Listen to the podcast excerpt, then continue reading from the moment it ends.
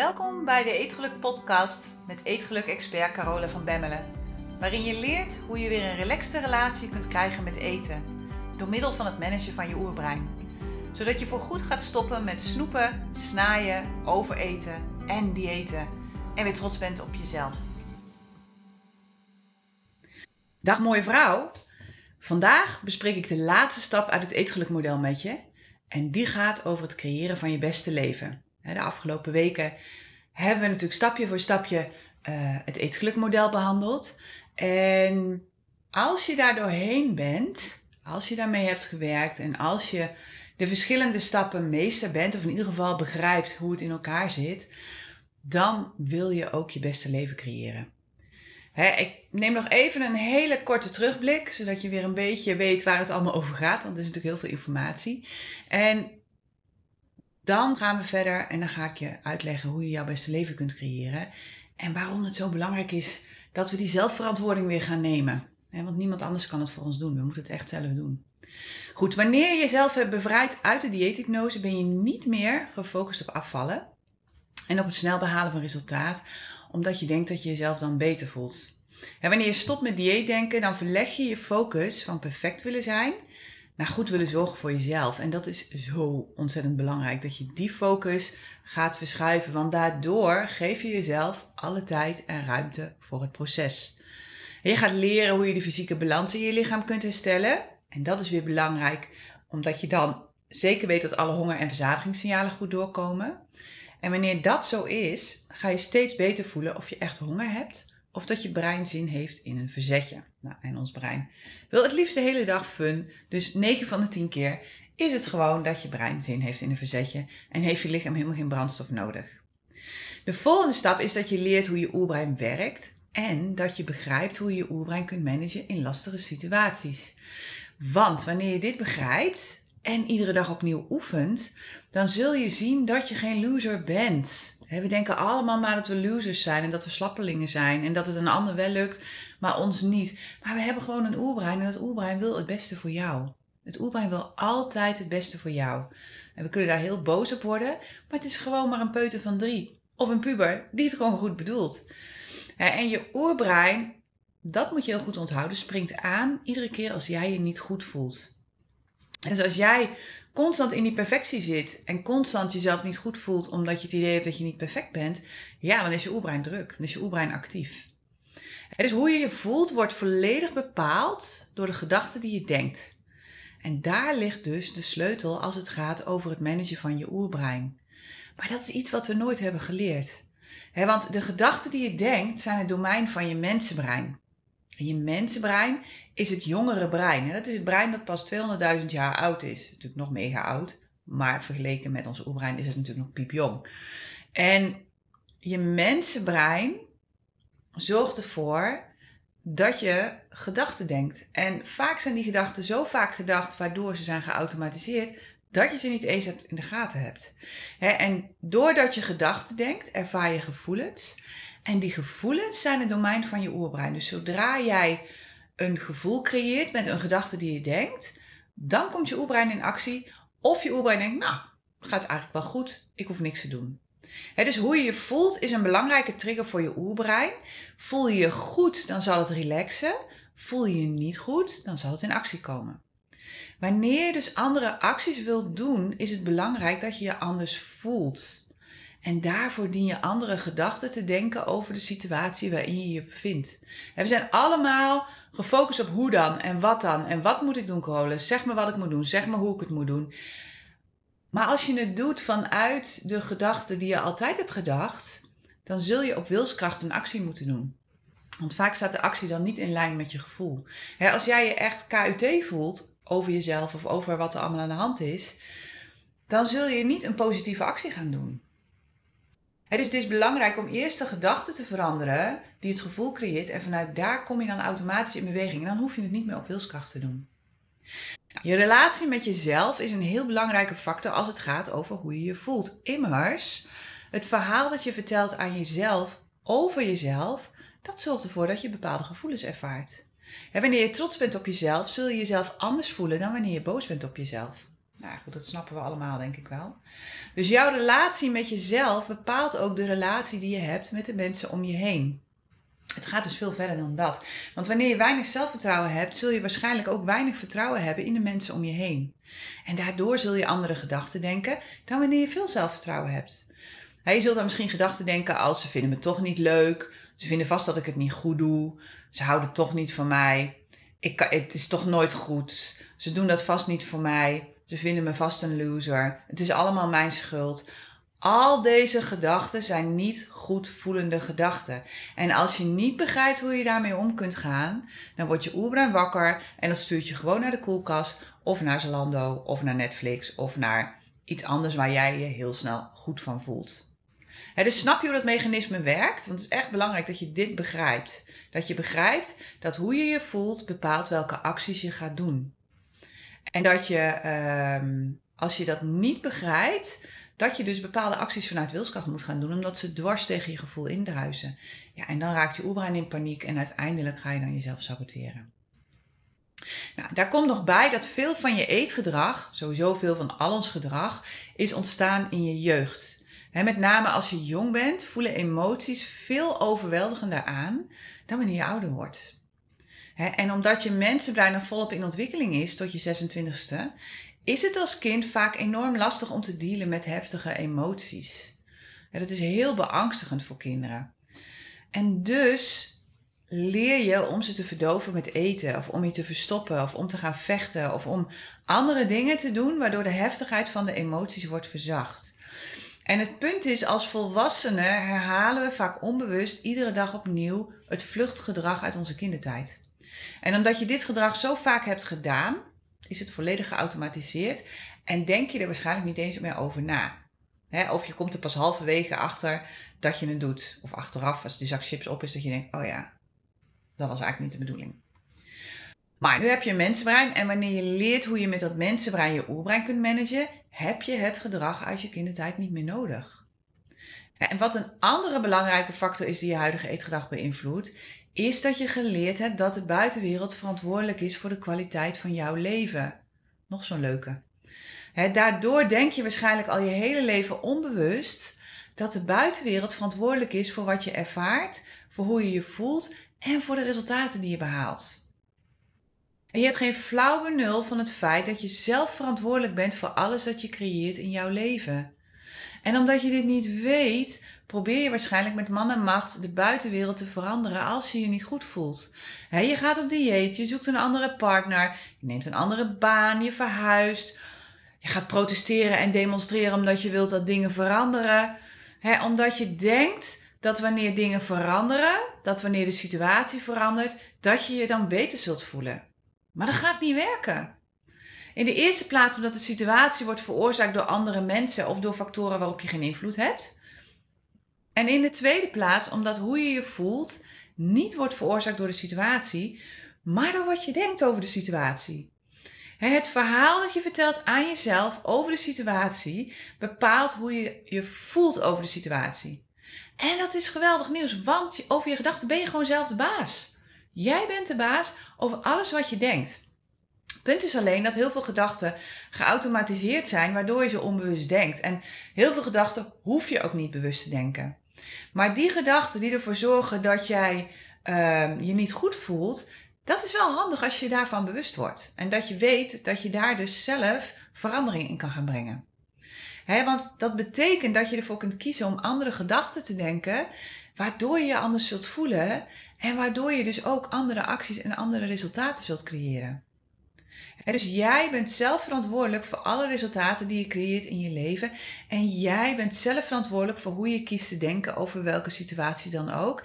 En jij bent zelf verantwoordelijk voor hoe je je voelt.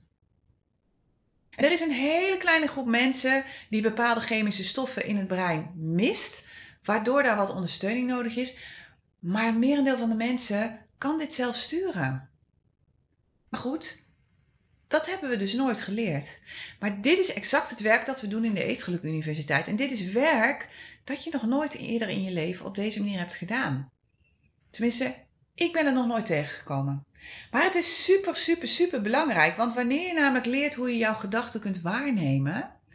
En hoe je heel bewust andere gedachten kunt denken en er dus voor kunt zorgen dat je je anders voelt, sta je ineens weer zelf achter het roer van jouw leven. En dat is zo fijn, dat is zo krachtig. pas wanneer je dit proces beheerst, is het tijd om stapje voor stapje jouw beste leven te creëren. Omdat je dan je focus kunt verleggen van het herhalen van het verleden naar het bewust creëren van een nieuwe toekomst. Want dat is wat we in deze fase gaan doen van het eetgeluk model. Hè? Dat we echt bewust een nieuwe toekomst gaan creëren. Dat je, je leert om doelen te gaan stellen op een heel nieuwe manier. En op een manier die je oerbrein ook begrijpt. En je leert hoe je deze doelen stapje voor stapje kunt gaan realiseren vanuit een totale rust. dus niet vanuit wilskracht, niet vanuit moeite, niet vanuit vechten, maar vanuit rust, vanuit relaxedheid, vanuit een relaxte relatie met jezelf, met eten, met je leven.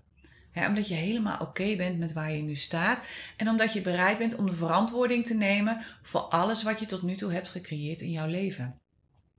En je probeert daardoor niet langer om de situatie te veranderen of om andere mensen te veranderen of te manipuleren, omdat je weet dat je daar geen invloed op hebt.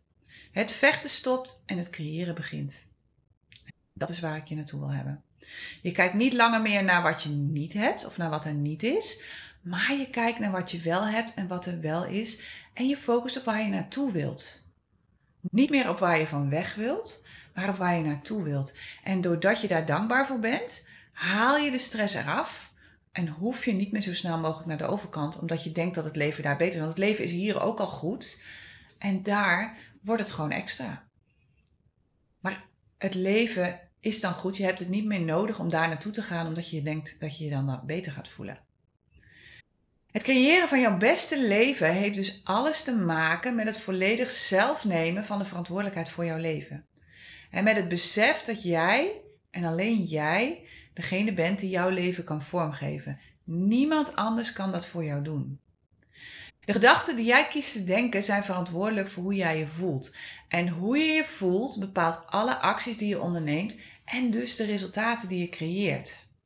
Dat betekent dat wanneer je komt vanuit ontevredenheid of wanneer je komt vanuit jezelf haten, dat je jezelf anders zult voelen.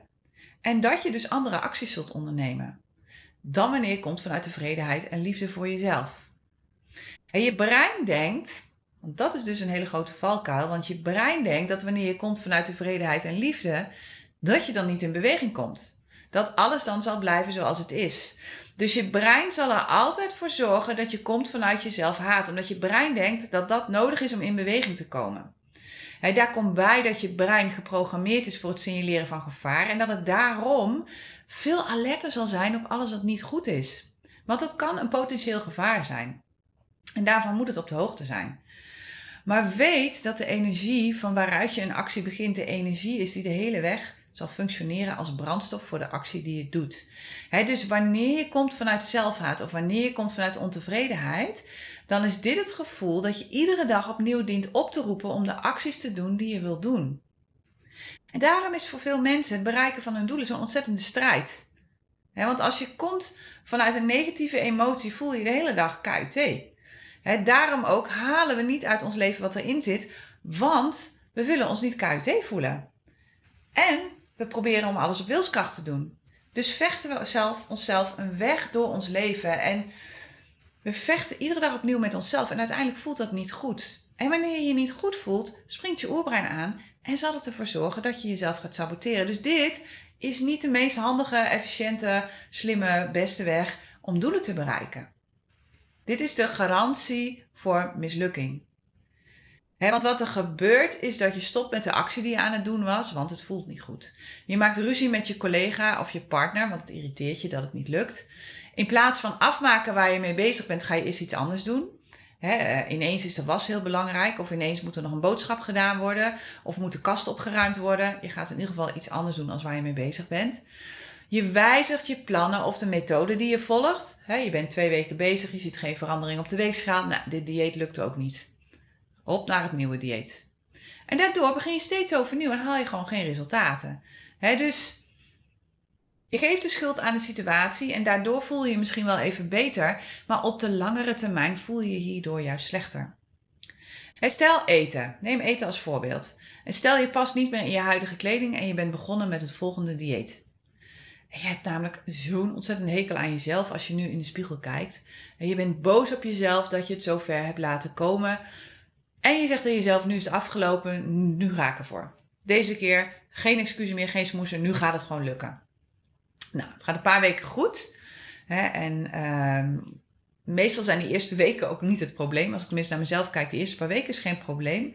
Dan zit ik nog wel in de vechtenergie. En na een paar weken zie ik geen verandering op de weegschaal. En dan denk ik, ja. En wat ik ook doe, die weegschaal werkt niet mee. Hè. Mijn man valt 2 kilo per week af. Bij mij is het misschien 100 gram. En uiteindelijk zeg ik dan tegen mezelf, ja, het dieet werkt gewoon niet. Het dieet is een slecht dieet en het werkt niet. Hè, en je baalt dat het niet meer lukt. En daardoor voel je je niet goed omdat je gefocust bent op die overkant. Omdat je zo snel mogelijk naar die overkant wil, naar dat resultaat. Omdat je denkt dat je je dan beter voelt. En doordat je je niet goed voelt, hè, doordat het niet lukt en doordat je denkt, ah shit, weer niet. En uh, waarom lukt het iedereen nou wel en mij nou niet? Dan springt je oerbrein aan. En je oerbrein wil maar één ding en dat is dat jij je goed voelt. Want als jij je goed voelt, dan ben je veilig.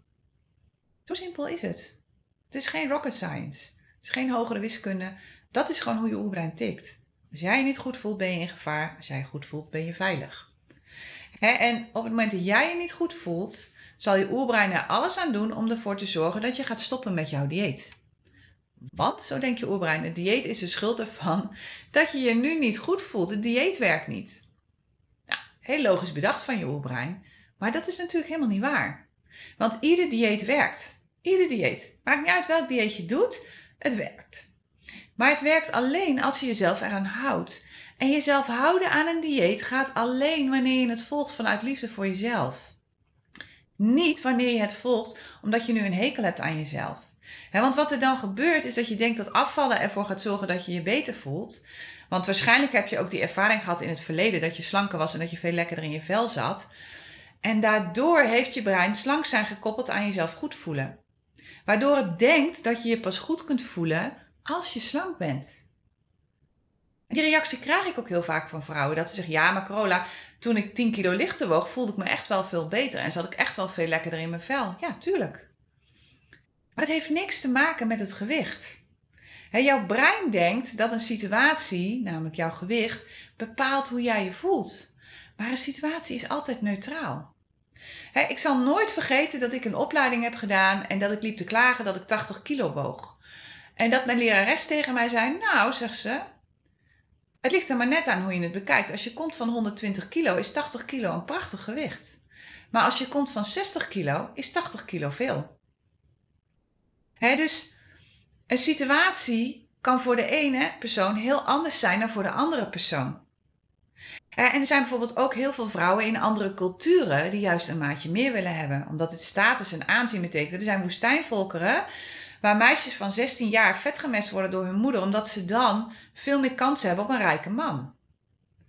Hè? En in onze cultuur hebben we geleerd dat je dom bent of dat het lelijk is als je wat ronder bent dan de geldende reclamenormen. En gelukkig begint dat te veranderen.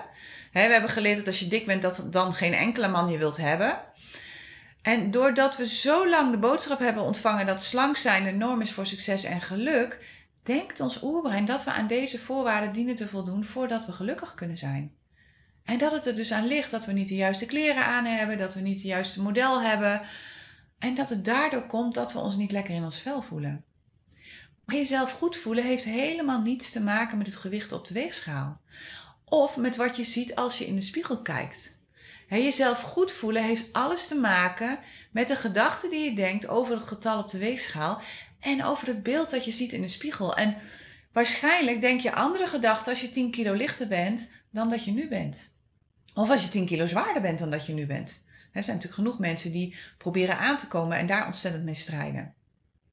Het punt is wanneer je niet goed voelende gedachten denkt over jezelf, dat je jezelf automatisch, of sorry, ik zeg het verkeerd, wanneer je goed voelende gedachten denkt over jezelf, dat je jezelf automatisch beter zult voelen over jezelf. En dat je daardoor andere keuzes zult maken voor jezelf en andere resultaten zult creëren. Snap je dit? alsjeblieft zeg dat je het snapt. Als je het niet snapt, luister dit stukje alsjeblieft nog een keer. Want dit is echt belangrijk. Wanneer je dus jouw beste leven wilt creëren, is het heel belangrijk dat je begrijpt hoe deze mechanismen werken. Het is heel belangrijk dat je begrijpt dat niet de situatie, maar jouw gedachten over de situatie bepalen hoe jij je voelt. En dat jij de baas bent over alles wat je denkt. Punt is alleen dat je waarschijnlijk nooit hebt geleerd om je gedachten waar te nemen. Dat zei ik in het begin van deze aflevering ook al. En dat het niet zo verwonderlijk is. Want daar wordt op school namelijk helemaal geen aandacht aan besteed. We snappen helemaal niet hoe dat werkt. We snappen helemaal niet hoe dat mensenbrein werkt. We snappen helemaal niet hoe dat oerbrein werkt. Er wordt ons alleen maar geleerd om dingen te herinneren.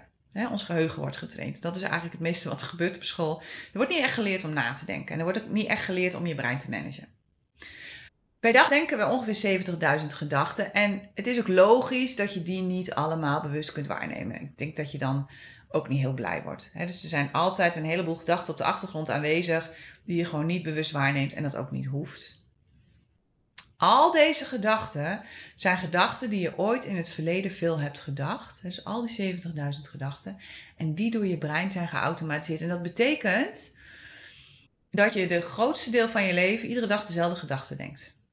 En dat betekent ook dat je daarom vanuit die gedachten ook steeds hetzelfde leven blijft creëren. Een kleine verandering hier en daar misschien. Maar over het algemeen, ehm, als jij nu teruggaat naar mensen die je tien jaar geleden hebt gekend dan hebben ze waarschijnlijk nog grotendeels hetzelfde leven. Daar komt bij dat een deel van deze gedachten niet van jou is, maar van de mensen die een belangrijke rol hebben gespeeld in je opvoeding. dus er is een grote kans dat zij bepaalde zinnen zo vaak hebben gezegd dat je brein heeft gedacht dat ze belangrijk zijn en ze daarom heeft geautomatiseerd. dus het is logisch dat je al deze gedachten niet bewust denkt. En dat hoeft ook niet. want bepaalde gedachten kunnen ook gewoon geautomatiseerd blijven. Maar de gedachten die ervoor zorgen dat je je niet goed voelt, dat zijn de gedachten die ervoor zorgen dat je jezelf saboteert en dus niet verder komt in je leven. dus wanneer je wilt veranderen, is het belangrijk dat je je daarvan bewust wordt en dat je zoveel mogelijk van deze gedachten ja, eigenlijk omhoog gaat krijgen en je daar bewust van wordt, zodat je ze kunt veranderen. Je mensenbrein is het deel van je brein waar je bewust nieuwe gedachten mee kunt denken en wat je dus ook, waarmee je dus ook kunt programmeren. je mensenbrein is niet het deel van je brein wat bedoeld is als een soort van uh, opslagruimte. Het is echt een werkruimte. Maar met je mensenbrein kun je wel je oerbrein programmeren. door bewust bepaalde gedachten iedere keer opnieuw te denken, gaat je oerbrein denken: hey, dit is belangrijk, dit moet ik automatiseren. Je mensenbrein is ook een deel van je brein waarmee je jouw onbewuste gedachten kunt leren waarnemen en ze daardoor als het ware bewust kunt maken. dus je kunt nieuwe gedachten heel bewust programmeren door ze vaker te denken. Dat is ook het principe van mantra's natuurlijk. Maar je kunt ook onbewuste gedachten leren waarnemen en ze bewust maken en vanuit daar kijken van hé, hey, wat heeft deze gedachte voor invloed op mijn leven? pas wanneer je zelf bewust bent van een gedachte kun je hem veranderen. Je kunt niet iets veranderen wat je niet weet. En wanneer je dus weer zelf volledig achter het roer van jouw leven wilt staan, wanneer je jouw beste leven ooit wilt creëren, dan is dus de eerste stap om te beginnen bij het bewust leren waarnemen van de gedachten die je denkt. In de Eetelijke Universiteit doen we dit door middel van een dagelijkse gedachtendownload. En daarin ga je iedere dag vijf minuten zitten met een blanco vel papier en schrijf je alle gedachten op die je op dat moment in je hoofd hebt. En wanneer je dat lastig vindt, en zeker in het begin is dat heel lastig, hè, dan krijg ik vaak mails van vrouwen die zeggen: Ja, maar Krol, ik weet niet wat ik denk en hoe moet ik dat dan doen? En nou, dat zijn dus ook allemaal al gedachten. Hè? Maar wanneer je dat lastig vindt, dan is er een prachtig middel dat je daarvoor kunt gebruiken en dat is de weegschaal. En waarschijnlijk gebeurt er nu meteen wat in je hoofd krijg je allerlei gedachten over die weegschaal. Dat ga ik niet meer doen en ik heb hem net uit mijn leven gebannen en uh, dat is helemaal niet handig. En nou ja, al dat soort gedachten zijn gedachten. Dus met die weegschaal, omdat hij zoveel oproept, is het vaak heel makkelijk om te leren om je gedachten waar te nemen. En wat je dan doet, is dat je iedere dag even op de weegschaal gaat staan en kijkt wat er gebeurt in je hoofd. En vaak roept die weegschaal zoveel reacties op dat het gewoon een stuk makkelijker wordt om je gedachten waar te nemen. Dus dat is een tip die ik je echt mee kan geven. Ga iedere dag even op de weegschaal staan. Daarmee krijg je ook een gevoel hoe je lijf reageert. Hè? Dat, dat er gewoon verschil zit in bepaalde periodes in de maand en bepaalde momenten van de dag dat je erop gaat staan. En daarnaast leert het je, helpt het je om je gedachten waar te nemen. en heel belangrijk, gedachten zorgen voor een gevoel, niet de situatie. Het is dus niet de weegschaal waar je bang voor bent, maar de gedachten die je denkt over jezelf wanneer je erop gaat staan. Dat is waar je bang voor bent. En door jezelf bewust te worden van de gedachten die je denkt over je gewicht en over de weegschaal, kun je ze gaan veranderen. En daardoor kun je ook het gevoel veranderen dat je creëert.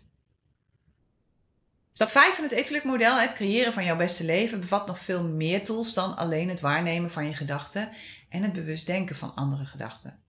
Het, toch is dit wel waar je dient te beginnen als je weer volledig zelf de verantwoording wilt nemen voor je leven. Want het creëren van jouw beste leven is alleen mogelijk als je bereid bent om zelf de volledige verantwoording te nemen voor alles wat je creëert. En alles wat je creëert begint met alles wat je denkt. Dus zolang je ergens nog in de rol van slachtoffer springt of jezelf nog verschuilt achter omstandigheden, dan rem je jezelf af en geef je jouw kracht weg aan mensen of situaties buiten jezelf. dus nogmaals, niet de omstandigheden zijn verantwoordelijk voor hoe je je voelt, niet de resultaten zijn verantwoordelijk voor hoe je je voelt, maar jouw gedachten, dat wat je iets laat betekenen, jouw oordeel over een situatie, zijn verantwoordelijk voor hoe jij je voelt. Dus verander je gedachten en je verandert je leven. Goed, ik wens je weer een heerlijke week en je weet het, hè? Je weet het. Deze podcast is bedoeld voor iedereen die weer een relaxte relatie wil creëren met eten en met zichzelf. Het is echt mijn grote, grote wens dat alle vrouwen in Nederland gaan stoppen met diëten en hun vrouwpower gaan gebruiken voor dingen die er echt toe doen. En het is zo hard nodig nu. Het is zo hard nodig dat wij onze vrouwpower gaan inzetten en dat we samen een andere wereld gaan creëren. en dat gaat niet zolang jij nog aan het vechten bent met jezelf, zolang je nog aan het focussen bent op eten, zolang je nog bezig bent met alles waar je geen zin meer in hebt. dus deel deze podcast daarom vooral met iedereen waarvan jij denkt dat ze hem kunnen gebruiken. Het is het beste cadeau dat je aan jezelf kunt geven. En het is een blijvend cadeau, een prachtig minimalistisch cadeau, wat je iedereen om je heen kunt geven. Tot volgende week gaan we het hebben over waarom diëten niet werken. Tot dan.